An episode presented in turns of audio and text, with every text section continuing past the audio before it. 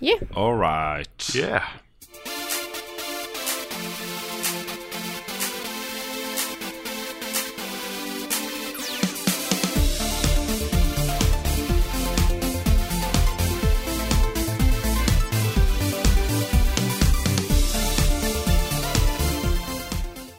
Hallo, og jeg holdt nesten på å si god morgen, men det stemmer jo ikke for alle lytterne våre. Men velkommen uansett til en ny episode av podkasten Level Backup med meg, Frida Danmo. Og med meg denne gangen har jeg både Karl Martin Hogsnes og Rune Fjelde Olsen, men òg Lars Stormbakken. Hallo, Lars Håkon Stormbakken. Det har vi hele navnet, sier vi nå ordentlig. Yeah. Hei. Hallo. God morgen. God morgen. God morgen. Det er jo morgen. Klokka er jo ni. Ja. Vi pleier jo ikke å gjøre dette her. Nei, Nei. det er ikke det. Jeg hadde litt håpa da at Frida skulle ta en sånn der eh, gothic intro i dag. Å, shit, det jeg skulle gjort. Ja. mm. oh.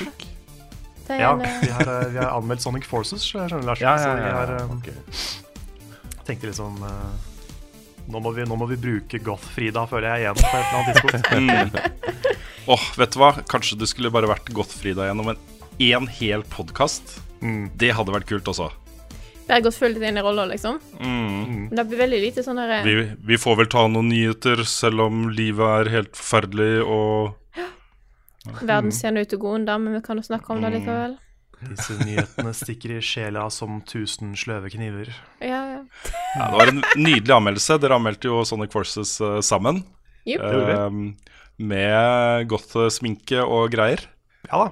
Jeg fikk eh, litt sminkehjelp av venninna mi Bente, så det var veldig bra at hun hadde tid. Tror ikke jeg hadde klart å ta på meg sånt uh, sjøl, i hvert fall ikke uten en del YouTube-tutorials. så spart litt tid på det. Bra dere byr på dere selv. Ja, ja. Ja.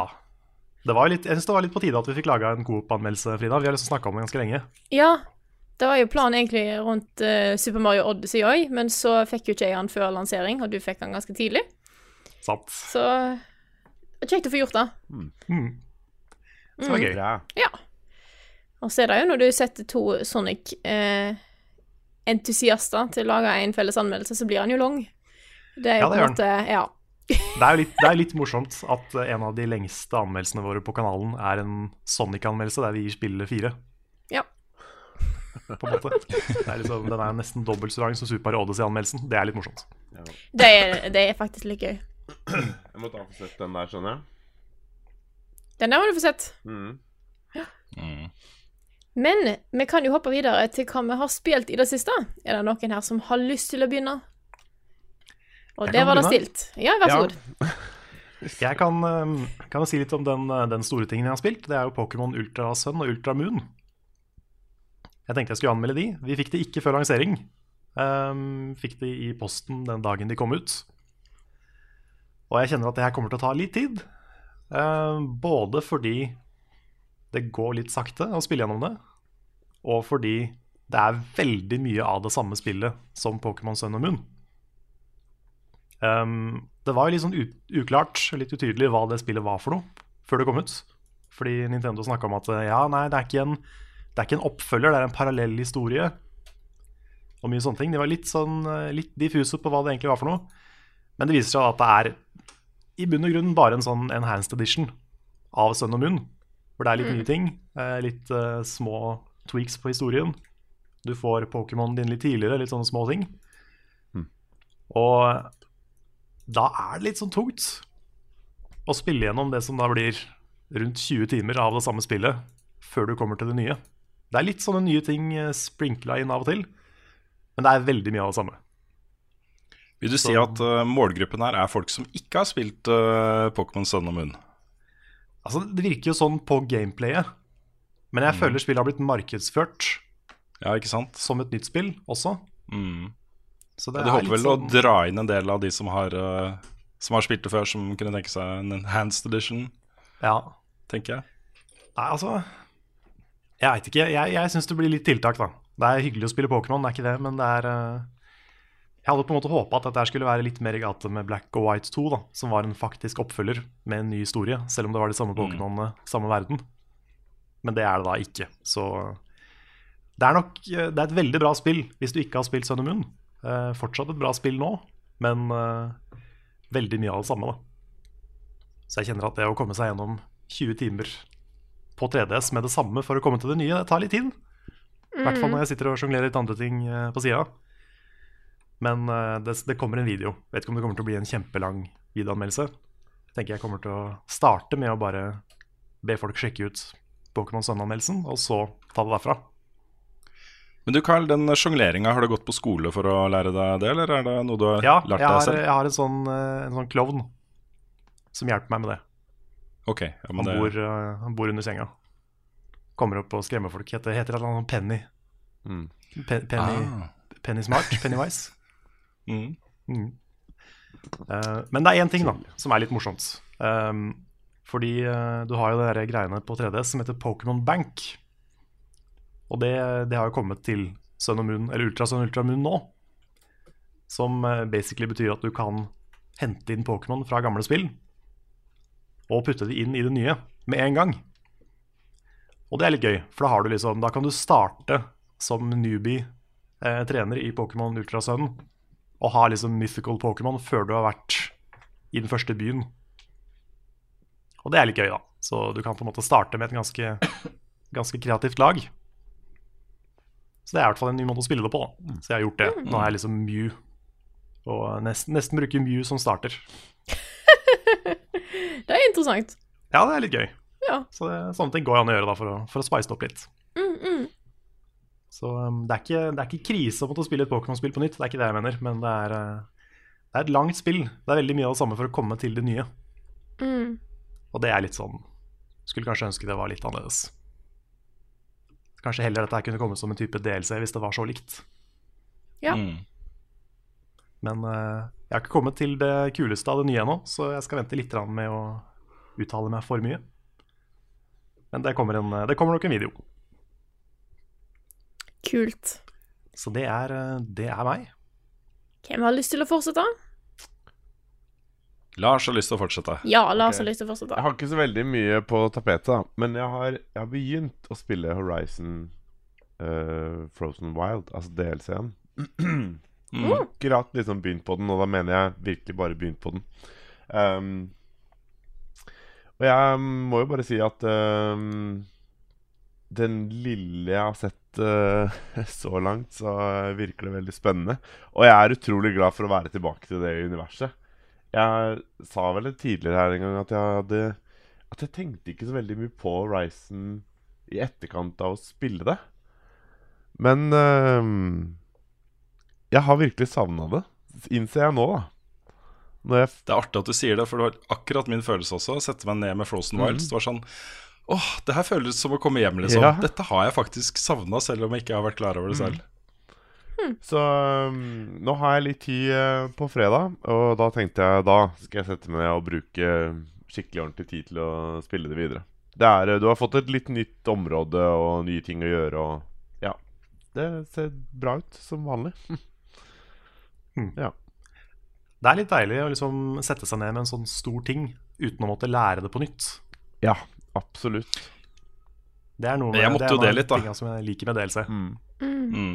Jeg måtte jo det litt, fordi uh, helt i starten av den delscenen her, så uh, havner du i en ganske heftig uh, kamp mot en, en ny type robot. Kamprobot. Det er det så. Og jeg huska ikke hvordan man valgte forskjellige piler og, og sånne ting. Så jeg gikk jo tom for ammo, ikke sant? Oh. Jeg gikk faktisk tom for ammo. Ja, jeg vet det. vet det Gikk tom for ammo og drev bare og dodga og slo, og det var jo så utrolig hektisk. Mm.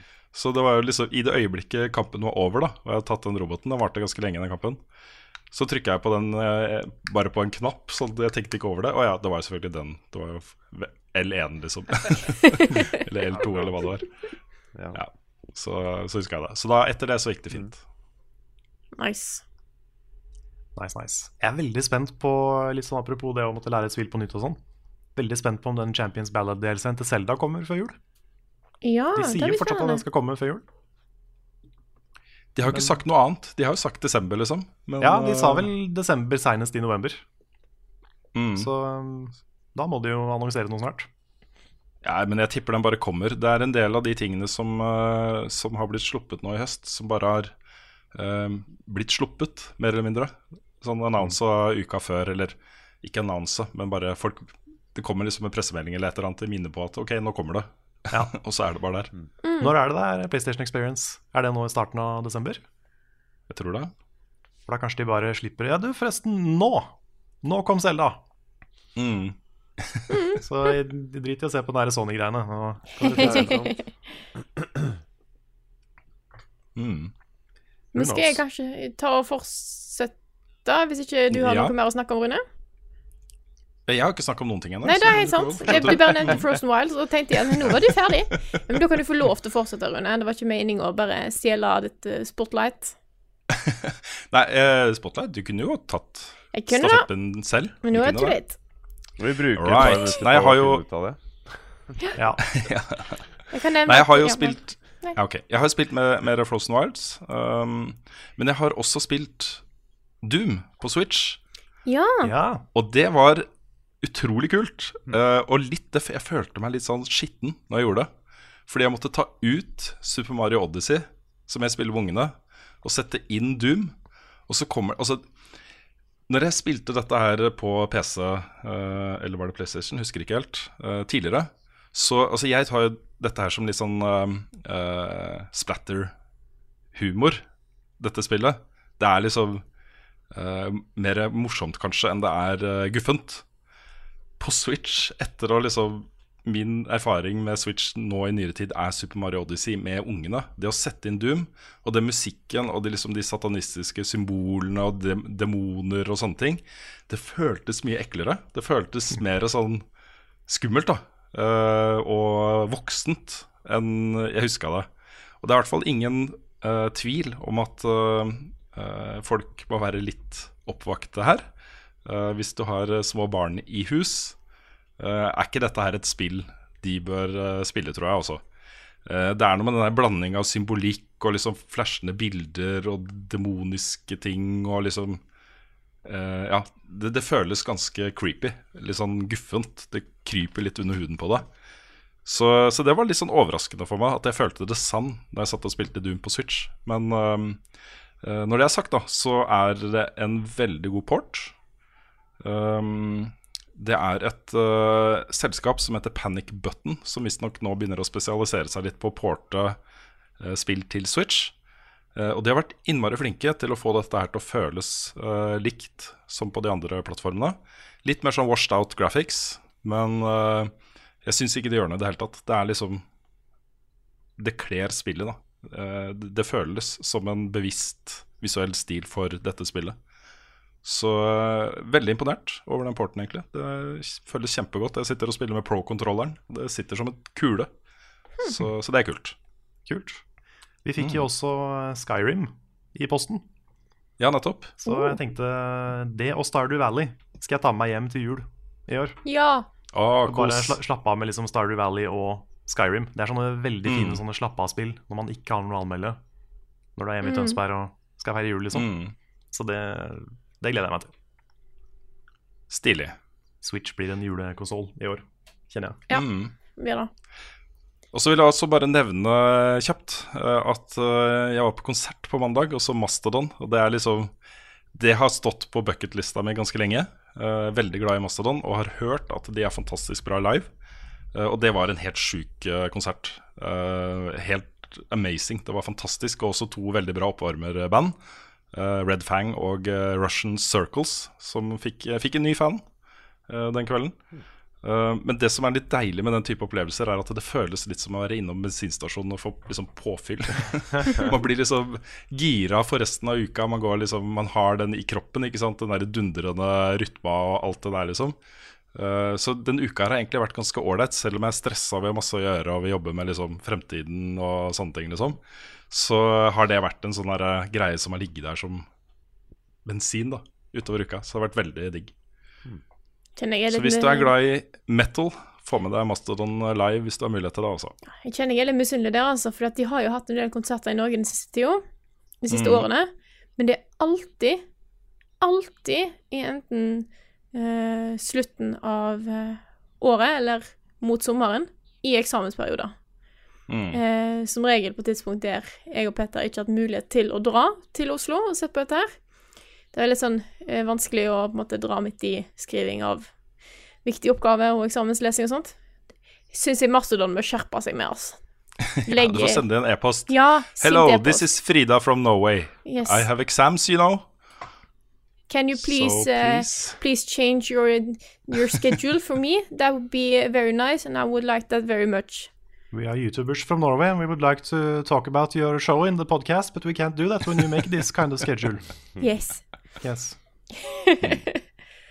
Nei, det var helt fantastisk. Det var helt fantastisk Det var helt crazy, vilt bra live, altså. Nice. Jeg må få med meg det da en gang. Mm. Da er det min tur til å stjele spotlighten her. Yeah. Eh, og jeg har fortsatt på Sunnyblade. Har kommet til den delen jeg, som jeg faktisk har lov til å snakke om. Eh, Kult. Ut ifra For det var kapittel to og fire. Så Ja. jeg skal ta og si min mening så langt, kun sett ut ifra de to kapitlene, selvfølgelig. Eh, bare da. Eh, mm. Og jeg syns det er veldig bra. Jeg eh, Bare jeg de to kapitlene, selvfølgelig. så Bare du vet ingenting om resten Ja, ja, ja, ja. kapitlet, Nei, nei, nei. Mm. Selvfølgelig, for det er jo da jeg må. sånt. Nei, jeg, eh, jeg skal ikke snakke så veldig mye om story og sånt, fordi at da jeg, Ja, da skal jeg ikke, men jeg syns det, det ser veldig fint ut. Det ser veldig fint ut på Switch. Det kjører bra, og jeg eh, eh, Jeg tror jeg kommer til å like kampsystemet veldig godt. Så det blir spennende å se. Mm. Hvordan Hvordan her eh, er- stiller det seg liksom opp mot de andre JRPG-sa i år, føler du? Åh, det er vanskelig å si helt ennå. Ja. Det er liksom, jeg er ikke så Dette er jo et spill jeg regner med er en plass mellom 40 og 70 timer langt. Mm. Og jeg er ikke så langt inne, da, sånn at det er vanskelig å faktisk si noe ennå. For jeg tror ikke jeg har på en måte fått eh, Jeg føler det er fortsatt et par ting som jeg regner med at blir forklart senere med liksom tutorials og sånne ting. Eh, jeg tror ikke jeg er helt Jeg tror ikke kampsystemet er helt ferdig utvikla eh, i min Så langt som jeg har kommet i spillet, liksom. Eh, så det er, det er vanskelig å sammenligne. Men det er mye mer storybasert enn det Sunderblade Chronicles X var, hvis jeg skal sammenligne med tidligere uh, utgivelser. Uh, mye mer likt Sunderblade Chronicles. Og det er en grunn siden det heter Sunderblade Chronicles 2. Mm. Så jeg Må man ha spilt på det første for å Nei. kunne spille det andre? Nei. Absolutt ikke. Det er en del eh, karakter, altså karaktertyper, det vil si eh, vesen og litt sånne ting, som jeg har eh, Som jeg kjenner igjen, eh, men ingen karakterer.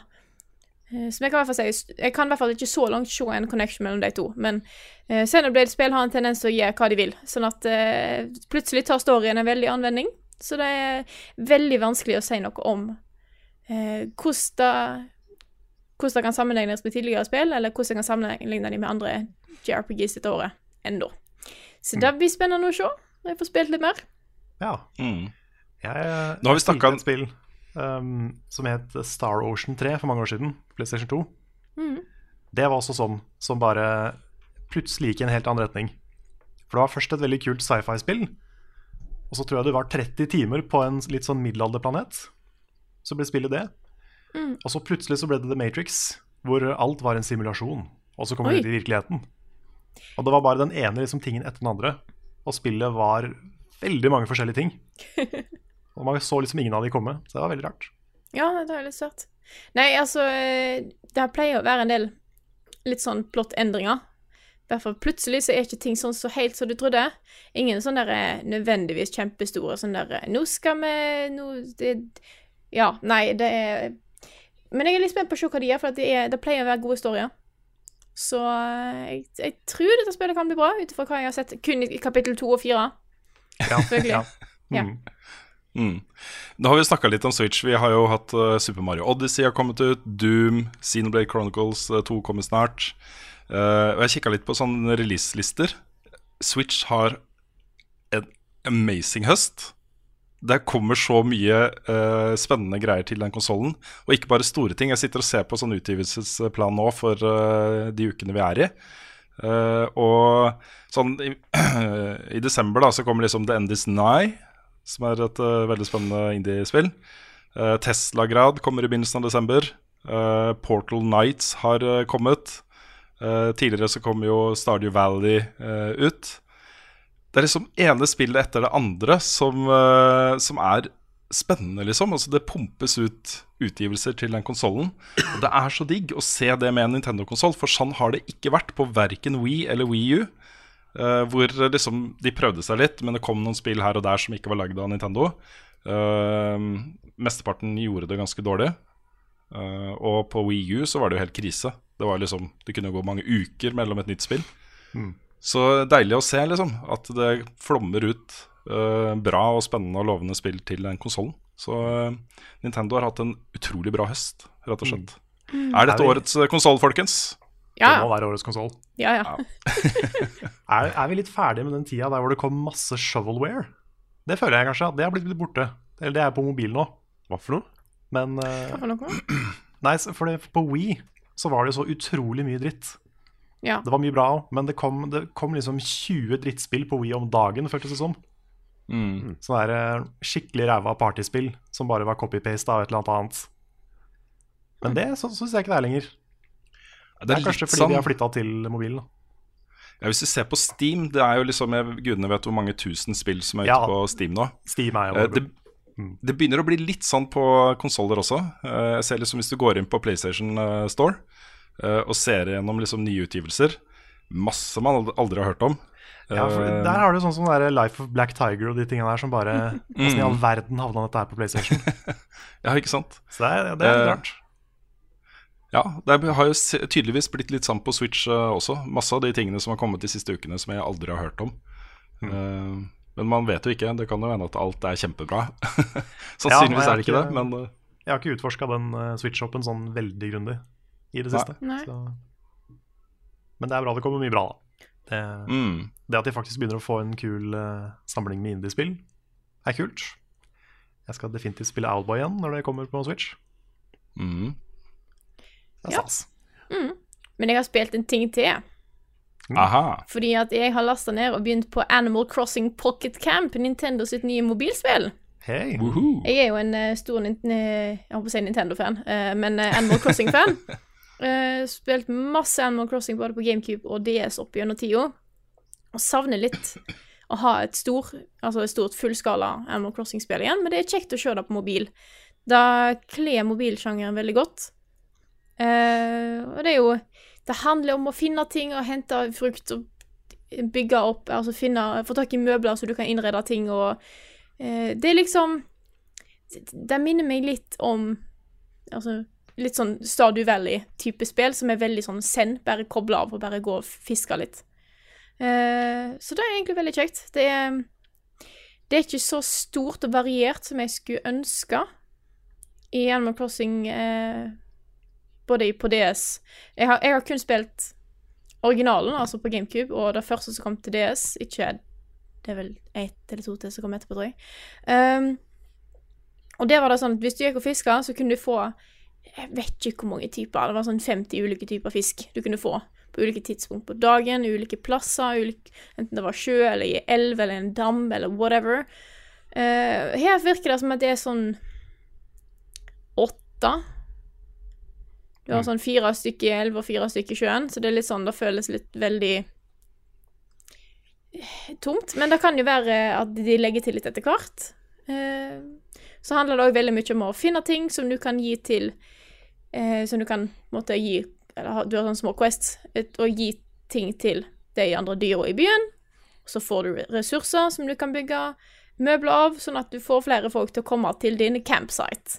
Eh, så som et mobilspill tror jeg det funker helt greit, som bare sånn avkobling.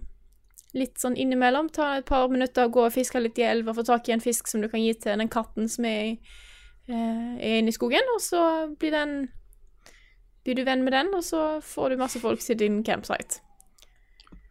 Det var litt funny. Jeg så på, eh, på en trailer for det spillet. For jeg la ut en liten greie om det på, i Level Update.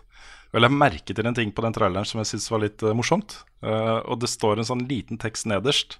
Bare sånn obs, obs. Noen av de tingene du ser i denne videoen, eh, må du spille veldig lenge for å få tak i, eller også noe i den duren. da At det tar veldig lang tid for å få tak i noen av disse itemene og tingene du ser i, i den videoen her. Er det litt sånn? Og så er det mye grinding for å få tak i de kuleste, kuleste tingene. Det vil ta litt tid, rett og slett fordi at du er nødt til å bygge litt opp. Altså nå har jeg Det det handler om, er at du kan Du bygger mer og mer fancy Eller får tak i mer og mer fancy Oi, der var det lyd på. Prøvde å starte opp spillet. Nei, eh, eh, fancy møbler og sånt. Eh, og så kan du utvide Du kan utvide den, eh, den bilen du kjører. Så jeg tror du kan få flere etasjer og sånt. Det er veldig lignende sånn som du hadde før, med at du kunne bygge ut huset ditt. Nå eh, bygger du ut en van. Eh, og da tar veldig lang tid, fordi at det koster en del bells, som er in game currencyen her. Eh, Kan du kjøpe bells for ekte penger? Du kan um, Ja, det tror jeg du kan. For tingen er at det er, den, det er den enheten som heter Leaf Tickets, som er på en måte den du kan kjøpe for ekte penger, som kan speede opp ting en del. Jeg tror da hvis du skal ha de mest fancy tingene, altså de største For du kan vel få et basseng, tror jeg, på et tidspunkt, og en rockescene og litt sånne ting. Skatepark. De vil nok ta veldig lang tid å få. For du unlocker flere og flere ting du kan bygge fra, etter hvert som du går opp i level. Eh, og da må du ha masse ressurser, og da må du finne masse frukt og fisk og sånt å gi til de som bor, i, bor på campsiten, da. Så jeg tror nok det vil ta enten Å få disse største her vil nok ta enten en god stund Jeg vet ikke helt hvor lang tid, for jeg har liksom ikke fått eh, unlocka de tingene i min eh, i mitt spill ennå, så jeg vet ikke hvor mye ressurser du faktisk trenger. Jeg vil tippe det, er en del. Så jeg vil tippe det tar noe ja, det er vanskelig å si in game spilletid, siden du bare spiller litt sånn her og der, men det vil nok ta en litt tid. Eller Tre koster- år. Ja, tre år. Eh, nei. en god stund. Eller koster de masse penger. Ja, nei, for jeg har hørt at hvis du spiller i ca. 40 timer, så kan du få Darth Vader. Ja, shit, stemmer stemmer Ja, det. er sånn det var. Mm. Mm. Tenk om det var sånn i alle spill. Når du spiller Ja, 40 timer, timer, så kommer bare Darth Vader. Bare sånn, hei sann, spilte 40 timer, ja. Ja. da. Å er ja, feil tips, spill. Sorry. Ha det bra, folkens. tips til alle spillutviklere, eller til spillutviklere. Når du når 40 timer, så bare dukker Darth Vader opp og sier hei, og så går han igjen. Ja, det hadde vært kult. Mm. Det er en veldig bra vits i det første spillet som gjør det. Ja, det er Så kjempebra. eh, indie-utviklere der ute, bare get on it. Ja. Legg inn Mm. det som en liten sånn easter egg. Det trenger ikke å se helt ut som Darth Vader for å unngå copyright-problemer. Bare ha liksom en, en fyr i svart kappe og maske som er sånn nesten Darth Vader. Garth Nader. Darth Daver. Vi har et problem med Animal Crossing i Pocket Camp, da, og det er det at det er nede konstant. Det Oi. sliter veldig nå eh, som en launch title. Det er, jeg prøvde å åpne det nå, det gikk ikke. Jeg prøvde å åpne det før i dag, det gikk ikke. Det var nede i går tidlig òg, men det kom seg veldig utover dagen. Men det, det sliter en del der. Så det blir nok sikkert fiksa, men akkurat nå så er det litt vanskelig å spille. Ny uke betyr ny anbefaling, og denne gangen er det Rune som skal anbefale noe til oss. Ja, jeg tenkte å anbefale noe som jeg har snakka litt om før, før vi begynte den spalten her, eh, men som jeg vender tilbake til med gjennom mellomrom selv. Eh, Det kan gå liksom et par måneder eh, mellom hver gang jeg liksom vender tilbake til denne tingen. Men hver gang jeg er tilbake, så er det sånn ordentlig koseting. Og nå som det er liksom mørke kvelder og litt sånn kjipt vær ute og sånne ting, så koser jeg meg ekstra mye med denne serien her. Og den serien er Parks and Recreation. Som blir liksom bare bedre og bedre og bedre for hver episode og hver sesong som går. Og jeg elsker uh, at, uh, at det ikke bare er en sånn sitcom med helt separate ting som skjer, men at det er liksom en story som er ganske lang. Og nå har jeg akkurat kommet til det punktet hvor Paul Rudd kommer inn i en helt fantastisk rolle. Og da har liksom løfta serien seg såpass mye at jeg tenkte ok, nå må jeg bare anbefale den. Hvis det er noen der ute som ikke har sett Parks and Recreation, så anbefales det på det varmeste også. Og det er liksom par og 20 minutter lange episoder, så du kan dytte inn tre episoder på en drøy time, liksom. Så det er, du får ganske mye kos da, ut av, eh, ut av dette her. Hmm. Flere Har det? som har sett den? Ikke sett Jeg har sett det. Nei. Jeg elsker det. Det er litt sånn derre Ja, er ikke det bra, Lars? Skikkelig bra. Og hvis du liker litt sånn type The Office-humor, eh, så er det jo også noen av skuespillerne fra The Office er jo med i um, Parks and Recreations. Så um, Mm. det er en vinner, altså. Skikkelig òg. Ja, jeg digger, jeg digger at, at selv om dette er liksom Det er litt rare rollefigurer med sine egne quirks og, og sånne ting. Men det er på en måte ingen rollefigurer i den serien der som, uh, som er på en måte kjipe. De har noe veldig bra med seg, alle sammen. Uh, og noe veldig autentisk. Uh, F.eks. Leslie Knope, da, som er eh, på en måte hovedpersonen i dette her. Hun er jo en sånn karrierestreber, politikerspire, liksom. Hennes største drøm her i livet er å bli eh, president i USA, liksom. Også, eller politiker, Kommer i senatet, sånne ting, liksom. Uh, og hun er ekstremt fokusert på det, og veldig sånn uh, ensretta mot det. Men hun har liksom så mange uh, hva skal man si gode sider, da. Som, uh, som må bli glad i henne, selv om hun er veldig sånn tsk-tsk eh, hele tiden. Eh, veldig bra skrevne rollefigurer, altså. Alle Ja. sammen. Så har de jo Mye bra. Chris Pratt, da. Chris Ja. Pratt eh, Det var litt derfor jeg begynte å se den, fordi jeg hadde sett så mange memes om den serien her på, på Reddit og sånt. Uh, Giffer overalt, liksom. Så jeg føler jo at jeg har sett mange av de morsomste, uh, morsomste scenene. Men, eh, men det er alle der. Eh, hva heter han? Aziz? Eh, eh. Ansari. Eh, eh, ja. Ja. Ja, jeg vet hva Azizi? Nei. Nå ble jeg veldig usikker når du sier det. Ja. Um, Han har en annen serie også som heter Master of None, som, er, eh, som jeg bare har sett eh, litt av. Som også er veldig morsom. Uh, selvfølgelig Rob Lowe i en helt fantastisk, fantastisk rolle. Uh, og så har du jo uh, han Offerman, som spiller Ron Mhm. eh, Ron Swanson. Som er glad i kjøtt. Kjøtt og våpen. Og mekke. Nei, det er mye bra, altså. Eh, veldig, veldig bra serie. Ja, recommended. jeg er veldig fan av Paul Rudd. Det er Mm. liksom, Han er kanskje den beste i verden på klein humor, syns jeg. Ja. Ja, her så spiller han jo Han spiller jo sønnen til uh, den største industrimagnaten i denne lille byen, Aponi. Pony. Eh, de har en sånn uh, godterifabrikk. Som gjør også at eh, alle innby... Altså, de har den høyeste eh, graden av overvekt eh, i befolkningen i hele USA. Og det er mye pga. godterifabrikken. da Men han skal stille da som, eh, som City Council-man ja, eh, ordfører, ordfører, tror jeg mot Leslie Knope eh, dit jeg har kommet. Og han er jo bare sånn bortskjemt drittunge som ikke kan noen ting om noen ting. ikke sant? Og Paul Ruddy og sånn rolle er så gøy, altså. Ja, det er når jeg ser Han er bare sånn Han ber ja. Leslie Lope om å trekke seg, da. Bare 'Kan du ikke bare gjøre det, please? Bare gjør det! Åh, bare gjør det, da! Bare trekk deg! Å, vær så snill!' Det er jævlig morsomt. Ja, jeg må, jeg må se den serien. Mm. ja, det er funny. Um, en av favorittkomediene mine er jo I Love You Man, Ja. Da han spiller hovedrollen. Han er så Mm. god på de der eh, litt sånn subtile, kleine tinga. Han liksom klarer ikke helt å snakke med andre mennesker. Han uh, får de der eh, rare uttrykka som ingen sier. Han prøver å tøffe seg litt. Mm. han er så god på sånne ting. Så det um, Ja, det er kult. Mm. Jeg vil også legge til at min, uh, min uh, favoritt-rollefigur i denne serien her uh, er jo uh, Au- Au- Aubrey Plaza, April Ludgate. Som er litt sånn, litt sånn som dere var i, i Sonic Forces-anmeldelsen deres. Litt sånn nihilistisk, uh, ganske mørkt syn på livet og mennesker og alt, egentlig. Um, veldig kult. Og hun og uh, Chris Pratt finner jo hverandre da, litt ute i serien. Uh, og det er bare verdens beste par.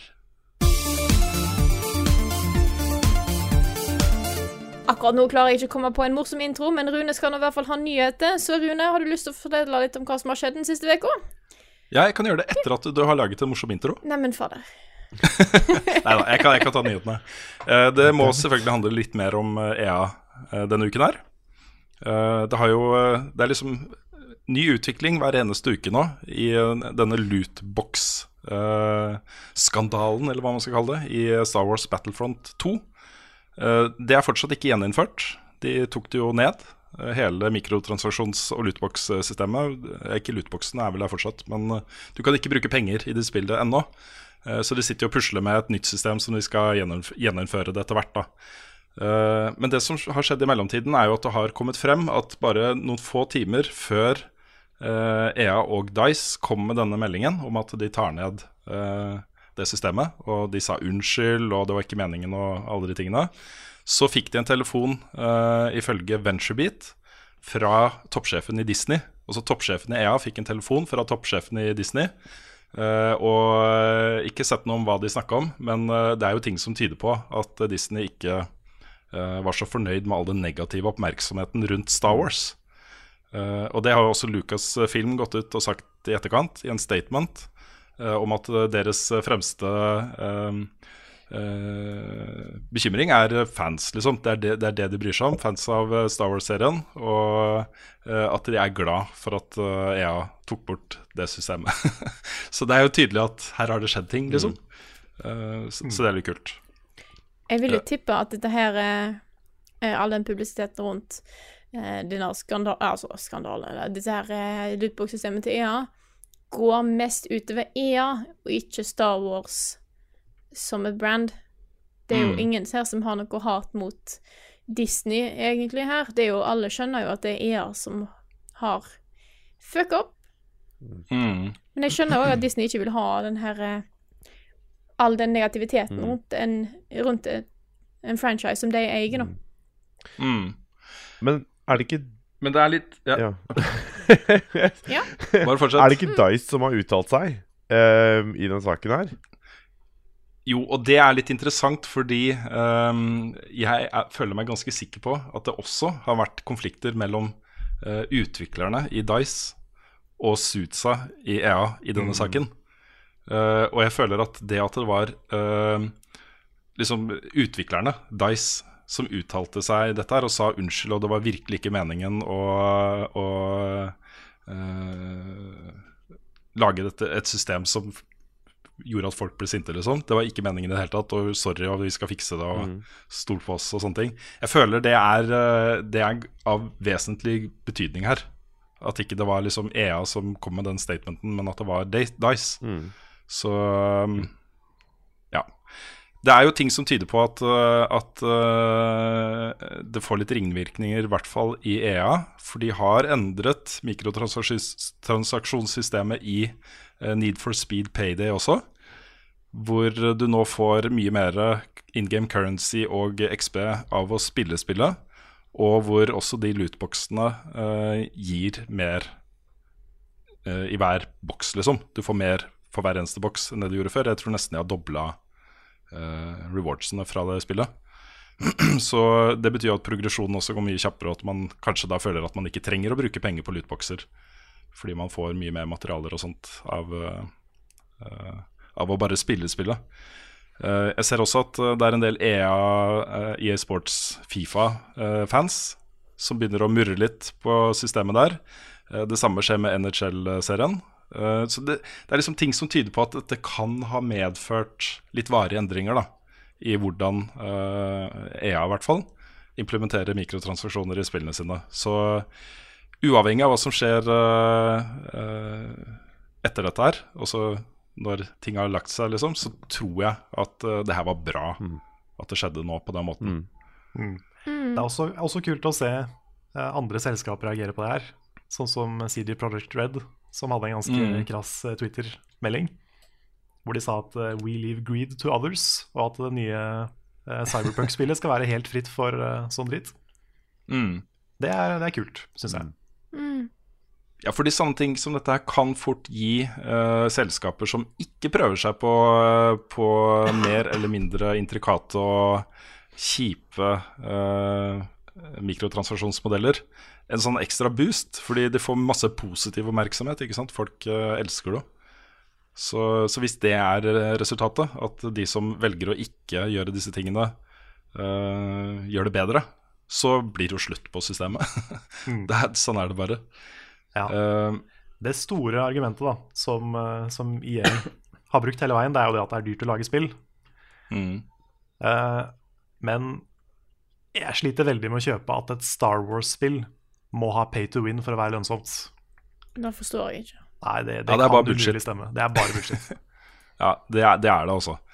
Ehm, det er vel ingen tvil om at de tjener mer på å ha dette, dette er liksom, at man kan begynne å ha argumenter som at det sikrer eh, videreutvikling og likviditet i selskap og lønnsomhet og sånne ting. Men, ehm, men når man driver på en måte rovdrift på spillerne sine eh, og lokker de til å bruke så mye penger som mulig på mikrotransaksjoner, så gjør man det på feil måte. Mm. Ja, også, er, også når det er på en måte som saboterer spillet, som gjør spillet Ja. aktivt dårligere. Ja, pay to win er jo det. Så Hvis man kan bruke penger på å få seg fordeler eh, i spillet kontra de som ikke bruker penger, så ødelegger man jo spillopplevelsen for alle de som ikke bruker penger. Uh, og da har man på en måte også, Man har fortsatt et valg, men det er et dårlig valg, ikke sant? Og, og sånn kan det ikke være. Det begynner jo å murre litt sånn andre steder også. Uh, det betyr ikke at det er snarlige endringer uh, på dette her, men det er i hvert fall noe. Eh, den belgis belgiske spillkommisjonen, som da er tilsvarende lotteritilsynet her i Norge, eh, de har sett på lootboxer i spill, eh, og da særlig Star Wars Battlefront 2, eh, og har kommet med en statement om at de ønsker å forby det. Det betyr ikke at det er forbudt i Belgia, som mange nå tror kanskje det er. Men det er deres uttalelse, og da er det på en måte opp til politikerne. Og det de sier, er at de ønsker å dra dette inn i EU og få eh, en europeisk lovgivning på, på dette her. Um, den veien er lang, også, så det skjer ikke i morgen eller neste uke eller uh, i starten av 2018. Men eh, det er ting på gang der. Og jeg forventer at dette kommer til å bli tatt opp på EU-nivå uh, i løpet av 2018. Mm. Det er en Altså- såpass stor del av hverdagen til folk. Det å, å ha, det å spille spill med den type modeller er, er, er De er overalt, liksom. Det berører hele, hele Europa. Så da er det helt naturlig at EU tar stilling til akkurat det. Det er eh, helt sant. Og bare man får liksom litt mer reguleringer der, så kan det ha mye å si. F.eks. i Japan så er det strengere lover på sånne ting.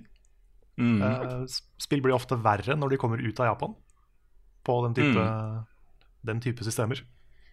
Så Ja. hvis de ikke får lov å gjøre det lenger, så er det veldig fint. Ja. Det er også en eh, politiker i USA som heter Chris Lee. Han representerer eh, Hawaii i eh, House of Representatives. Uh, som har sagt at, uh, at dette her må det bli slutt på. det er jo veldig sånn uh, å kapitalisere litt på, på popular opinions, kanskje. Men det er i hvert fall ålreit å se at, at det løftes opp litt på det nivået, da. Um, at det blir diskutert og tatt stilling til. Jeg Ja, tror jeg det så- som er Jeg så han kalte det et uh, online Star Wars-kasino, tror jeg. Ja, Så det ja, gikk det stemmer. ut. Ja da. Nei, det som er kjernen i hele den saken her, er at øh, øh, hvis det er gambling, altså hvis det kan defineres som gambling, øh, hvis det er mekanikker her som øh, på en måte lokker folk til å bruke penger, og hvis de da i tillegg ikke vet akkurat hva de bruker penger på, og så de bare håper på å få et eller annet, og så får de ikke da likevel, og så bruker de mer penger, osv. Hvis det er retta mot barn, så er det på en måte en, en closed case. Altså da er det uh, det er så hardt regulert overalt ellers. Du må være ikke sånn, så så gammel for å komme inn på kasinoer. Du må være så så gammel for å kunne spille på betting sites uh, på nett. Uh, og hvis dette er liksom Hvis det sitter tiåringer og tolvåringer og bruker masse penger på mikrotransaksjoner i spill, så er det en ting som må reguleres, på en måte. Det er ikke uh, Ja, det å, det å bruke penger på den måten Er du voksen, liksom, så ja, bruk penger på hva du vil, på en måte. Men er du barn, liksom, så uh, stiller det ting seg litt annerledes. Så jeg tror det er det som kommer til å få den ballen her til å rulle litt. Rann. At uh, kanskje et mulig utfall er at hvis du har lootboxer og mikrotransaksjoner av den typen i et spill, så må kanskje spillet ha 18-årsgrense. Kanskje. Jeg vil tro at det er en sånn mulig, mulig vei ut av dette her, da. Men uh, vi får se. Ja. Det er en spennende sak å følge, i hvert fall. Det er det. Ehm, bare et par andre kjappe nyheter. Ehm, jeg driver jo og spiller Gran Turismo Sport, som jeg liker, men som er litt uh, tynt på innhold. Eh, og ikke minst så er på en måte den ene singleplayer-aktiviteten som er der eh, Jeg har jo snakka en del om disse førerkortene som man alltid må ta i eh, Gran Turismo-spill, og hvor utrolig kjedelig det er. Man gjør det samme hver bidige gang, og hvis du først har lært deg at det lønner seg å bremse litt før en sving, og så gasse liksom på riktig punkt i svingen, og sånne ting, så trenger du ikke gjøre det hver eneste gang, liksom. Du bør kunne skippe det. Det kan du her også. Du kan bare kaste deg ut i arcade-mode og spille online og sånne ting. Eh, men det er den eneste singleplayer-aktiviteten i dette spillet. Uh, det pluss time trial, liksom. Er bare endeløs rekke av sånne førerkortting. Altså, kjøre fort, og så bremse, og så stoppe. Ikke sant? Det er så kjedelig, men nå kommer det. Uh, I desember så kommer det en egen singleplayer-campaign som heter uh, Gran Turismo League.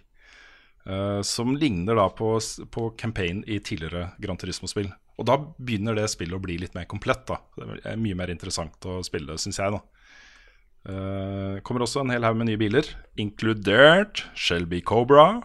Den, en av de tøffeste bilene av dem alle. Uh, kjent fra bl.a. den første um, Fast and Furious-filmen. Veldig tøff bil. Den er sånn, Hver gang jeg låser opp den i et bilspill, så blir jeg happy. Det er stilig, ja. stilig bil. Mm. Greit. Um, jeg husker du hadde et uh, Level App-innslag, eh, Lars, om Rains. Det får en oppfølger i desember, den 7. desember, som heter Rains Her Majesty. Oh, nice. Som ser spennende ut. Det skal være mange, mange flere uh, Tinder-kort, kan man kalle det det? Jeg vet ikke. Ja. Stemmer det er det, ja. Det er det Tinder-spillet. Men det er kjempekult. Jeg har spilt Ja, det er veldig selv. kult. Veldig stilig spill. Det er veldig bra. Og så er det kjempekult ja, Og så er det innmari tøft at uh, hun som har skrevet uh, disse kortene, uh, det er selveste Lee Alexander. Som eh, er en ganske kjent skribent fra, fra spillverden. Hun har jo trukket seg fra Hun er jo ikke spillskribent lenger. Um, jeg tror kanskje hun gikk litt lei etter Gamergate-tingene. Men eh, hun er en fantastisk bra Altså, pennen hennes er dritbra. Så det gjorde meg faktisk mer interessert i å spille det spillet her. Da jeg hørte at hun, hun var manusforfatter. Kult. Vi skal svare på spørsmål fra dere lyttere, eh, og som vanlig starter vi med ukens spørsmål. Oi, oi, ja. Ja, det var ukens spørsmål, da. Det gikk litt gærent her. Ja, nei, det, var, det var veldig dårlig. Det var veldig dårlig. Ja, veldig Nå bare trykka jeg på en knapp. Jeg visste ikke hvilken lyd som skulle komme i gang. Godt Nei, forsøkt. nei, Nei, men jeg eh, Vi for... Skal vi lage en ordentlig vignett eller en gang? Ja. Ja, kanskje vi skal gjøre det etter at du har gått tom for lyder. ja. Ja, jeg har gått helt uh, uh, Helt tom. Mm. Okay. Er, er du helt tom? Ja, jeg har ikke noe flere lyder. Jeg vet ikke hva jeg skal gjøre med de lydene lenger. Ja. Så Starte forfra. Ja. Okay. Da må vi lage vignett.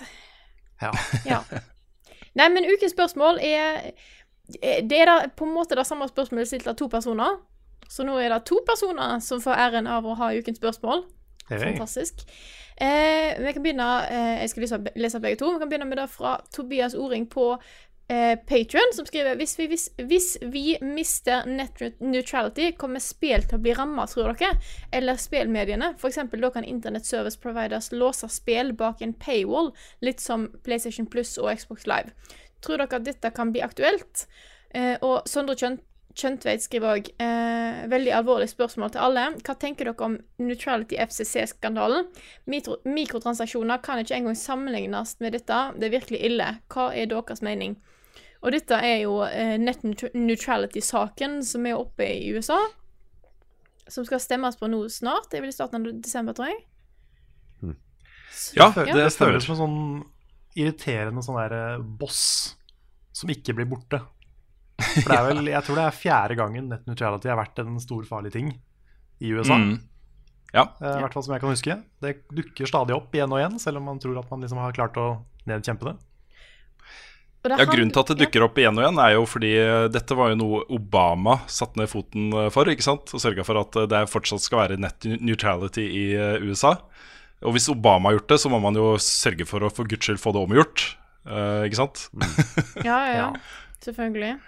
Mm. Ja, men dette er jo saken, for de som ikke har satt seg helt inn i det, så handler det jo om at eh, store bedrifter kan, altså, og internett-suppliers kan begrense hastigheten på ulikt innhold. Eh, Ja, sånn det, det, ja. ja, det handler om å begrense Om å regulere trafikken på internett, rett og slett. Via internettilbydere. Sånn at f.eks. Um, de kan lage pakker eh, som koster så og så mye. Hvis du primært bruker liksom, internettlinja di til å spille, så kjøper du kanskje spillpakka for e- et eller annet. Og så får du dritdårlig hastighet på Netflix og alt annet. Uh, hvis uh, Netflix går til internettilbyder og sier vi vil gjerne ha prioritert hastighet ved hos dere, kan vi få det, eller? Her har dere masse penger. Så sier de ja, ja, selvfølgelig kan du få det. Og så er det kanskje da Netflix som blir prioritert, og så ikke HBO.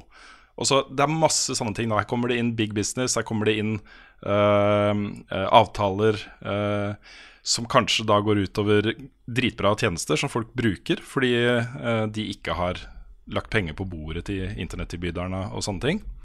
Og kanskje også f.eks. Hvis, du, hvis du spiller da, mye på nett, så kanskje Battlenet blir prioritert foran Steam, eller omvendt. Også, det er masse sånne ting da, som, som, kan komme som en følge av at, at nettet ikke er nøytralt lenger.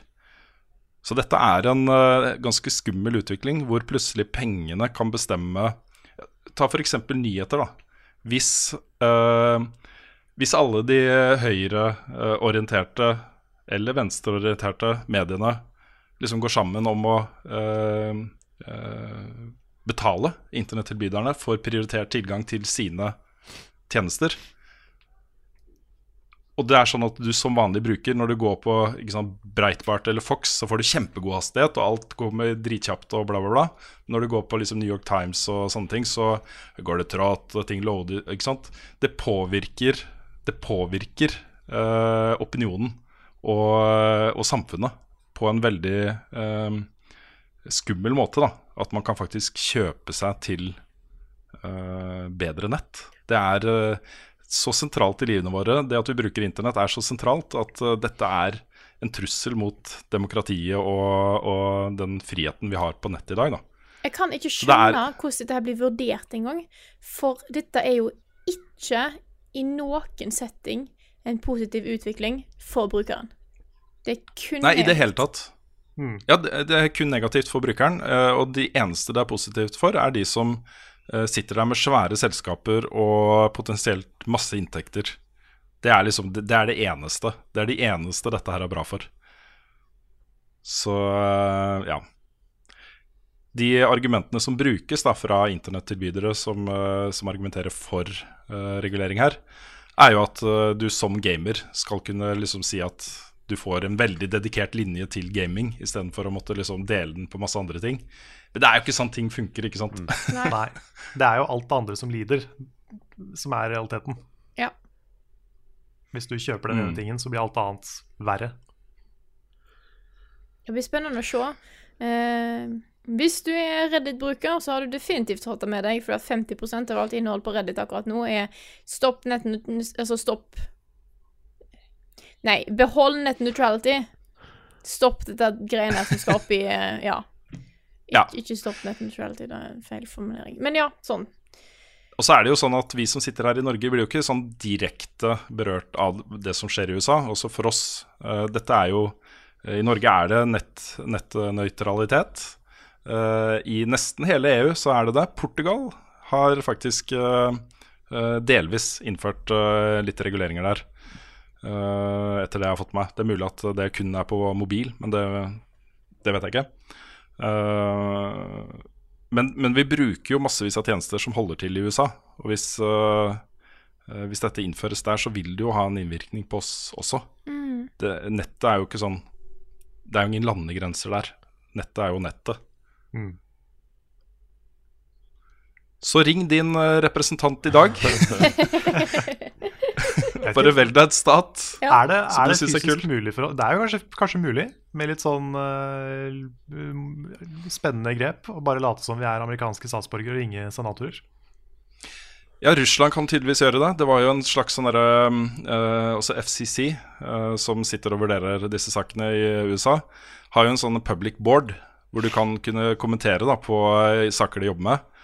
Hvor det viste seg, det er avdekka nå i går, at, at det var noe sånn som 180 000 falske nettkontoer som har vært inne og kommentert på de sidene. Altså de har okkupert og kuppa uh, opinionen da, på FCC-sidene. Uh, og de vil jo ikke ha nett nettnøytralitet, selvfølgelig. Her er det noen som har betalt en eh, botfarm til å gå inn og, og herje. Så tydeligvis er det mulig, eh, som nordmann også, folk fra utenfor eh, USA, å gå inn og, og påvirke der. Ja. Hm. Hm. Det er rart. Det har aldri Russland gjort før i noen sammenheng. Nei da, det har ikke det. Nei. Hm. Nei, jeg vet ikke. Det er en eh, viktig sak. Eh, Det har jo kommet opp et par ganger her i Norge, jeg husker det også. Eh, som, det skapte jo samme type reaksjoner blant folk, da. Eh, når, eh, når det ble kjent at dette skulle vurderes av Stortinget og sånne ting. Så bare følg med. Det er eh, viktig å, for fremtiden til internett at vi engasjerer oss i denne saken. Det er, eh, internett er eh, også noe av det verste som har skjedd menneskeheten, men det er eh, absolutt eh, noe av det aller beste også. Mm. Den demokratiseringen som nettet medfører.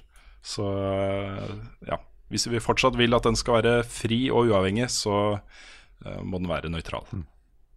Indeed. Amen.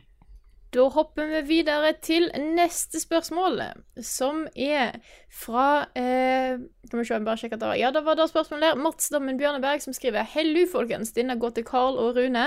Hva er tankene rundt at det etter tre år er funnet en ny fiende i Bloodborne? Og vil dere nå ta opp igjen Bloodborne bare for å finne denne? Er det det? Du, jeg har uh, brukt nok tid i Chalice Dungeons i det Ja. spillet. Jeg også er litt der, altså. Jeg synes Bloodborne det er jo et av all time favorittspillene mine. Men de Chalice Dungeonene de gidder jeg ikke å ta så mange mer av, altså. Jeg vet, det er tilfredsstillende å ha klart dem, alle Ja. sammen, liksom. Mm. Men uh, ikke noe behov for å gå tilbake dit Men også. har de funnet Nei, igjen jeg kommer helt sikkert til å gå tilbake til Bloodborne. Bare sånn for å spille det igjen. Men ikke for å jakte på den bossen, tror jeg. Nei. Men De har funnet en helt ny Ikke hvis vi liksom. skal bruke tre år på å finne den, da. Hva sa du, Lars? Funker det dårlig med nettet mitt? Ja, nei. Nei, nei. Nei, nei, det er bare jeg snakka samtidig som det. Så da, da Sorry, jeg hørte jeg ikke hva sliter du litt, sa. for det blir litt sånn robot på dere noen ganger. Uh, men uh, nei, jeg bare lurer på, har de funnet en helt ny uh, boss som ingen har oppdaga før? Ja, Det er ikke en- en boss. Det er en fiende ja, fiende som har vist litt av veldig tidlig før, men som ikke har vært en del av spillet, men så plutselig dukker opp. Ja, folk har liksom leita etter den, for de så den på videoer uh, helt i starten, uh, rett før Bloodborne kom ut. Uh, og så ingen som har funnet den. den de trodde kanskje bare den ikke var Ja. der allikevel. Uh, men folk har jo ikke gitt opp, da. De har liksom gått og leita og leita og leita. og funnet Ja, den til slutt. Ja, for det er jo et sånt eh, random element i de, uh, i de challenge Mm. dungeonene. Hvor du får en del sånn tilfeldige fiender, tilfeldige stats på de. Eh, og det er visst en veldig veldig sjelden fiende, da, Mm. dette her. Som kan dukke opp hvis du er i riktig seed. Hmm. Så det, det er artig at det tok tre år Ja. å finne den. Spesielt. Det kan jo være at det er folk som har funnet den tidligere, men ikke har visst at dette var en så sjelden Mm. enemy, da. Det tror jeg er et godt poeng, Frida. Ja, Kanskje den nok er der liksom det er hele tiden. Det er bare ingen som gidder. Hæ? Nei, det er nok ikke den første som har sett den, nei. Nei, Nei, det tror jeg ikke. men første som har visst hva det, Hva det var. hva faktisk betydde. Mm. Nei, Jeg også så faktisk en, eh, en ny fiende sist gang jeg spilte Bloodborne. Og så jeg kom inn i en sånn kirke, og så var det en sånn der stor Ligna litt på sånn eh, hund da, med sånn flagrende hår. Ja. Um, Ja. Ja, du fant Og- uh, Vicky Remilia første gang. ja, Emilia heter hun, det er helt riktig. Ja, riktig, riktig. Så jeg har jeg vurdert å liksom gå på Reddit og Ja, veldig dokumentere det, men altså. ja, nei. Ok. ja da. Jeg merker Eh, at liksom, det, er, det er litt tidlig på morgenen i dag. Det er det. ja. Litt tidlig. Så er det litt, det virker som det er litt mer delay mellom oss, så vi prater litt mer i munnen på hverandre. Ja. Dessverre. Men eh, vi hopper videre til neste spørsmål, som er fra Thomas Koltshus, som skriver Hei, hva tror dere Nintendo har på gang i 2018? 2017 har gitt oss både Mario og Zelda. Hva tror og håper dere kommer i 2018? Og det er litt interessant, for at uh, Nintendo starter veldig hardt ut med Switch-konsollen sin, med to av sine største franchises på samme år. Mm. Har de noe å eh, komme med de neste åra? Det, Det vi vet kommer, er jo Yoshi og Metroid. Ja, vet vi at Begge Metroid kommer i 2018? Ja, vi vet ikke det, men jeg tipper det, da. Jeg tipper uh, jul, liksom. Mm. Eh, men Yoshi ser jo også kjempebra ut, Mm. så ja, kanskje Smash? Kanskje Smash, Smash. er et godt alternativ. Mest Det sannsynlig Smash. Sikkert en eh, enhanced. Ja, jeg, håp, jeg håper egentlig at de kommer med en ny versjon, og ikke en ny versjon av Altså ikke bare en ny versjon av uh, den som var på Wii U. Eh, men uh, vi får nå se.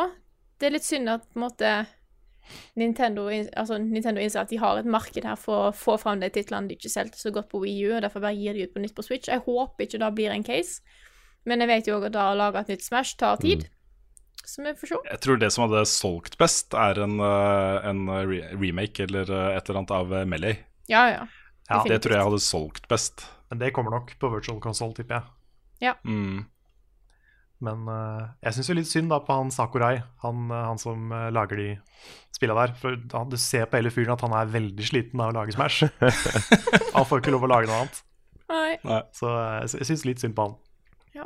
Ja, for han lager de alene, ikke sant? Bare han, ja. Ja, ja. Sitter og, sitter og lager alle figurene og animerer de og skriver koden. Nei da, men han er liksom the main man. Mm. Og eh, jeg husker da, da de kunngjorde at Brawl skulle komme på, um, på Wii, så visste ikke han at han skulle lage det da de sto på scenen og sa han skulle lage det. Oh, shit. Ja. Så det er litt, sånn, det er litt på det nivået der, da. At han bare Oi, dette er mitt liv de neste fem åra, liksom. Ja. Så jeg har litt, har litt vondt av han, stakkar. Men, Men- um, Han syns jo det er litt gøy òg. ja, da, eller? jeg, jeg håper det. Ja. Håper han trives. Ja. Håper han har det bra. Men, eh, men det er jo et poeng da, at eh, Nintendo har brukt veldig mye av det de er best på i år. Eh, Mm. Jeg tror ikke Pokémon på Switch er klart til neste år. Nei. Da tviler jeg på, siden det var bare snakk om at det var in development. Mm. Mm. Eh, så jeg er veldig skeptisk på om det blir lansert i 2018. I så fall så tror jeg det virker veldig hastarbeid. Mm. Mm. Ikke, Men en ting som Nintendo har gjort da de siste årene, det er jo å endelig liksom begynne å eksperimentere litt med nye, uh, nye spill. De hadde Arms uh, i år, uh, Splatoon før det. Jeg håper at de har fått litt selvtillit på det nå. At de jobber med et eller annet som vi ikke vet om. Noe helt nytt. Gjerne noe litt større. Og så gjerne bruk engine i eh, Breath of the Wild for eksempel, til å lage et annet eh, rollespill eller eh, action adventure-spill eller noe sånt, med nye figurer og en ny story. Det hadde vært fett også, å se Nintendo kaste seg ut i noe svært som er helt nytt. Ja. Jeg føler jo at sånn som Arms var litt safe, altså et partyspill på en måte. Et OK eh, partyspill på en måte, men eh, allikevel. Ja, det tok aldri helt av, det. Nei, det gjorde ikke det.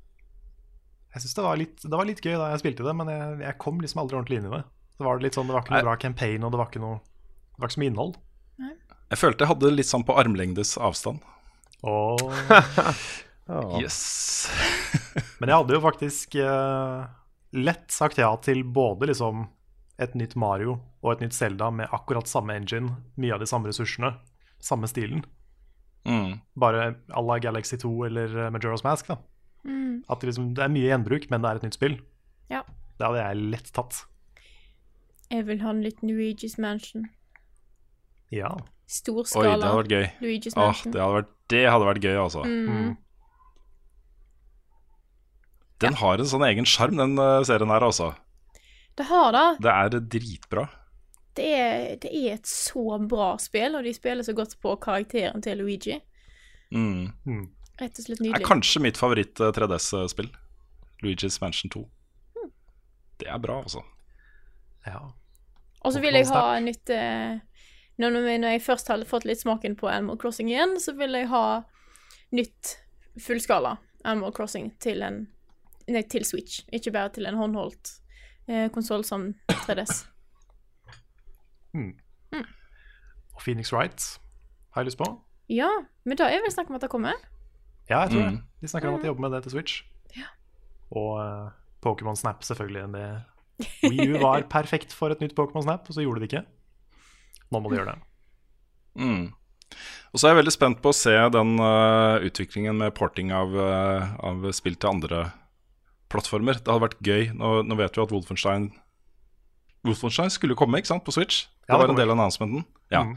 Wolfenstein 2 kommer. Uh, Det hadde vært kult hvis en del av de andre tingene kommer. Og det kan skje, hvis, særlig hvis eh, Panic Button uh, får eh, ordentlig tak på dette her og kan bare kverne ut gode ports av, uh, av dette. her, For det er jo mer eller mindre samme arkitektur uh, på disse konsollene nå. Så det er, handler jo om å tweake, eh, tweake ting, liksom, for å nedskalere uh, nedskalere. Ja. True. Da tar jeg og åpner for eh, spørsmål fra dere andre. Så da er det bare til å eh, slå dere løs. Har dere funnet noe eh, kult? Ja. Jeg fant Ja. et spørsmål her fra Vegard Ruud vi kan ta. Mm -hmm. jeg trenger litt tid på å finne ut mitt svar, men kanskje dere har noe. Hvilket spill syns dere har den dårligste slutten? Typ så våkna han, og alt var bare en drøm. Eh, oi. Er det nødvendigvis en dårlig slutt? Jeg har nemlig Jeg skal ikke Nei, du, du kan gjøre det bra, Ja, fordi at Ja. men det er har vanskelig. ikke mm, Er det lov å spoile ting fra Battlefield 1? Story? Er det innafor nå? ja, jeg vet ikke. Mm, Ja, ok, greit. Nei, jeg vet ikke. Du, du, kan jo, du kan jo si Battlefield 1 hvis du vil Ja, si Det er det. ikke en dårlig slutt for meg. Det er mer det at det liksom eh, okay. I forhold til hva han snakker om, da, så har det liksom Er det et par ganger jeg har opplevd å spille ting som er litt sånn derre ehm, Altså à la den slutten han nevner, da. Og da mm, Og det var ikke en dårlig slutt for meg. Det var mer sånn derre Å, øy, ø. Det var litt kult, ikke sant? Så mm, Ja. Mm. Jeg vet ikke. Nei, jeg kan jo kanskje Kan jeg kanskje si Star Ocean, siden jeg nevnte det i stad. At der eh, går det fra å være et sci-fi-spill til et fantasy-spill til The Matrix. Og den Matrix-delen er bare helt merkelig. Mista meg totalt. Så jeg tror, eh, tror kanskje jeg må si det. Nå skal vi òg Det er kanskje ikke noe overraskelse at jeg sier dette her, men slutten i Sonic Forces er jo ikke heller Nei, den bare kommer. Ja, men den er jo litt sånn som resten av storyen, så det er ikke noe spoiler at, storyen, nei, at slutten er dårlig når resten av storyen er dårlig, Mm. på en måte. Nei. Nei.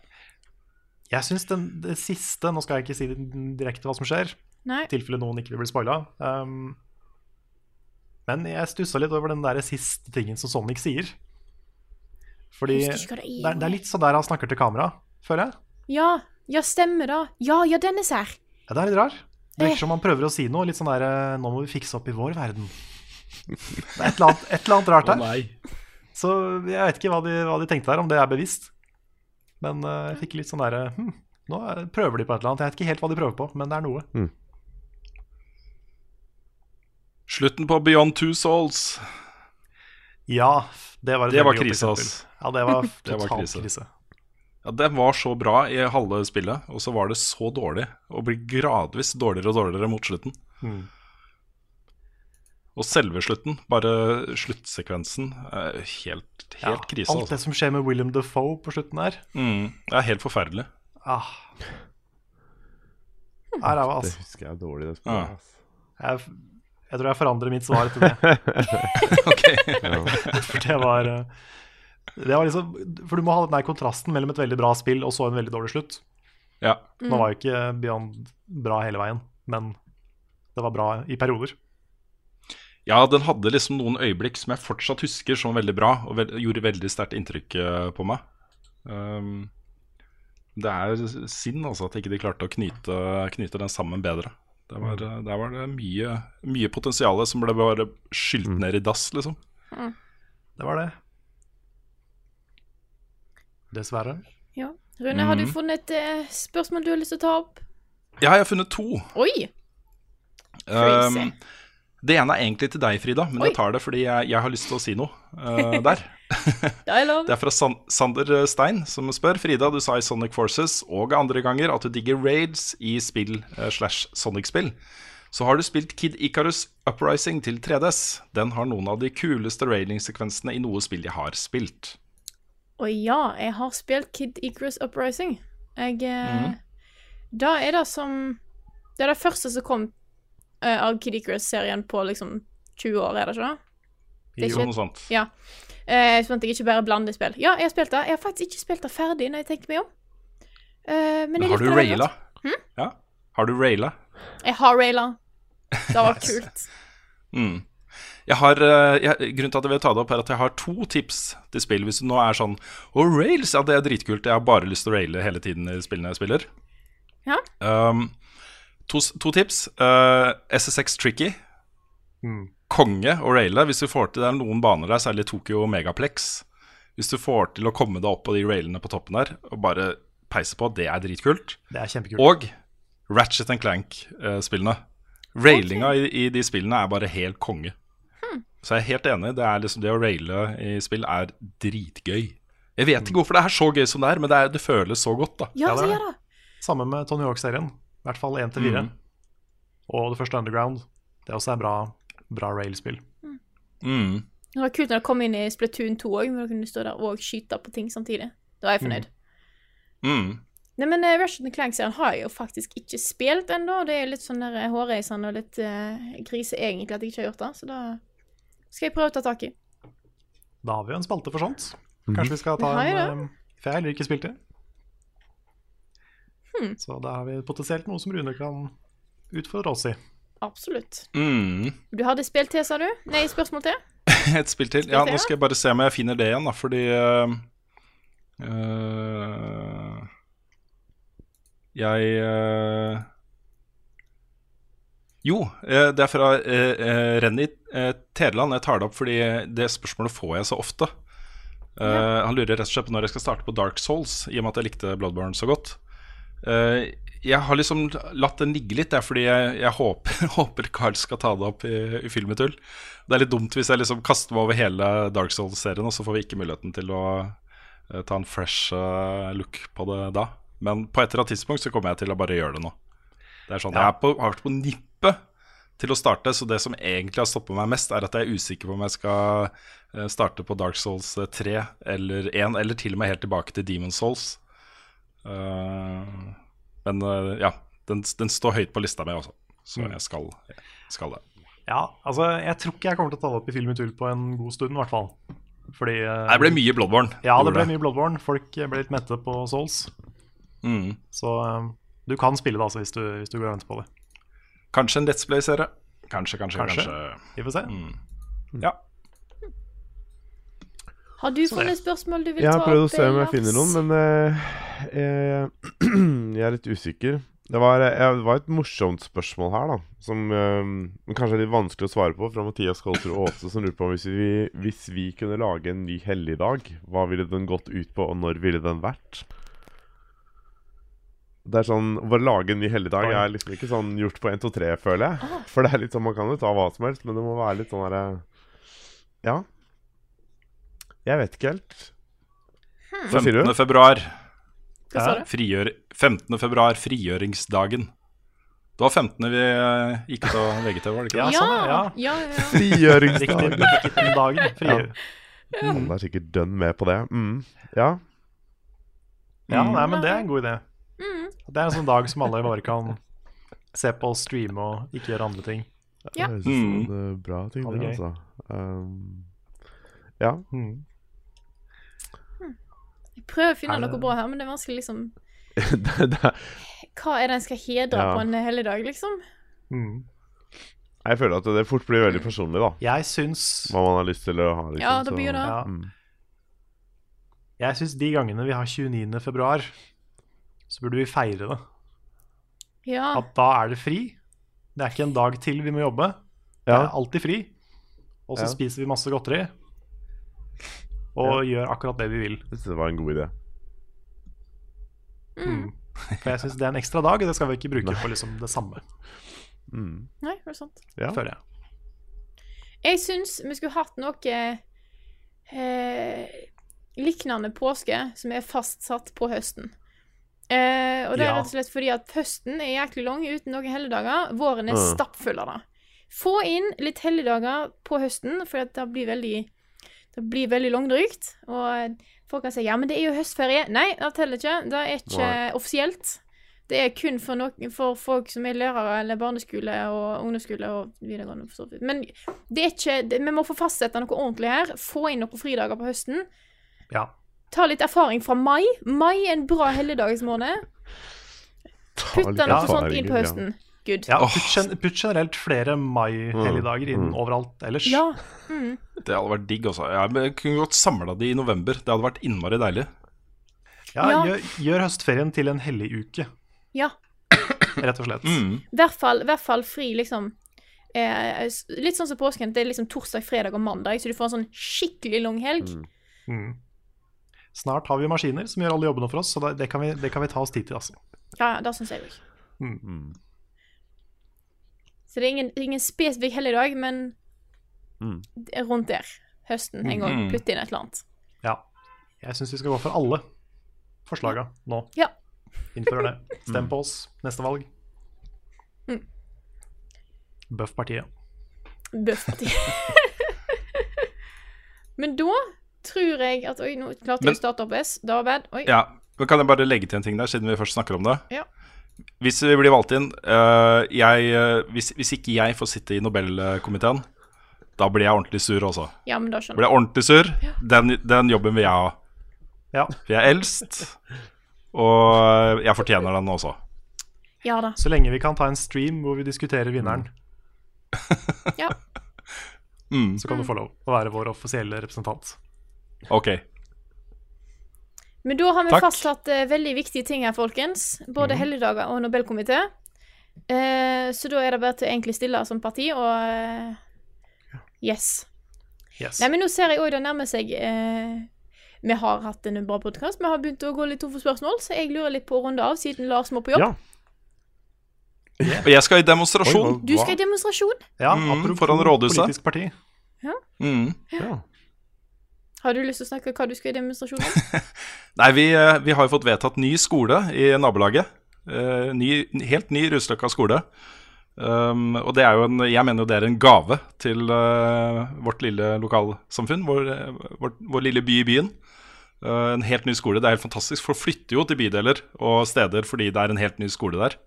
Uh, men nå er det da noen som ønsker at det ikke skal lages ny skole, at det heller skal pusse på den gamle, som, er et, som jeg mener er et mye dårligere alternativ. Så nå er det høring i eh, rådhuset i dag eh, om denne saken. Så da skal vi demonstrere da, i forkant av det møtet. Prøve å, prøve å vise at vi er mange her i, i Vika, uh, Skillebekk, som eh, ønsker oss en ny skole. Mm. Det er litt gøy, for jeg skal ha med dattera mi, som Ja. går på skolen. Eh, og det er flere av de andre barna også på skolen som, som skal være med. Så, så det, blir, det blir en fin opplevelse, tror jeg. Har du en skarp og catchy ordspillplakat? Nei, Jeg har ikke det. Det var plakatverksted på tirsdag, men jeg hadde ikke tid til å være med. Okay. Så, så det vet jeg ikke. Men uh, øh, Ny skole nå, ellers må du gå. Nei, jeg har, ingen, jeg har ingenting. Jeg har Nei. ingenting. Nei, men Bra, da bra. eh, Lykke til på demonstrasjon. Takk. Det blir sikkert en kul opplevelse for, eh, for Mika å få sett hvordan sånt funker. Mm. Mm. Engasjement. Engasjement. Engasjement. Nei, men da eh, vil jeg eh, først og fremst si tusen takk til alle som støtter oss på Patron. Dere er så sjukt nødvendige for at vi kan fortsette, og jeg håper at eh, eh, hvis det er folk her som hører på, som ikke støtter oss på Patron, gjør gjerne det hvis du syns at Hvis du har lyst til å støtte oss med en så stor eller liten sum som du sjøl ønsker. Alt hjelper. Da folk ikke tenker at én dollar, nei, det er ingenting. Det hjelper sjukt mye for oss, og vi trenger det. Ja, bare tenk deg at, øh, at øh, hvis 100 mennesker gir oss øh, 10 kroner øh, i måneden, så er det akkurat det samme som at én person gir oss øh, 100 dollar i måneden. Er, hvordan, jeg vet hvordan Nå datt jeg av. Ja, jeg jeg klarer ikke å regne så tidlig på morgenen. Men uh, alle måneder drar, og det er virkelig sånn Det er, det er jo sånn Patron fungerer. Mm. Det er jo det som er meningen. Så, så hvis du har en tier eller to eller tre å avse i måneden, så og ser på de tingene du gjør, hører på podkasten, så øh, er det kjempe Ja, Ja. greit, jeg skal gi meg. Kan vi jo til slutt si da at det kommer en liten video på kanalen hvor vi går litt gjennom endringer og sånn. Vi har, eh, vi har lyst til å gjøre det litt mer eh, attraktivt å backe oss. Kom med litt nye litt sånn, rewards. Litt nye rewards, kanskje litt eh, tidlig tilgang på litt Noscope-episoder og litt sånne ting. Så det, mm. det er ting som vi jobber med bare sånn for å, for å prøve å få det litt opp. Hmm. Så eh, da får jeg egentlig bare takke for oss. Takk for at akkurat du hørte på denne episoden av Level Backup, og så snakkes vi igjen neste uke.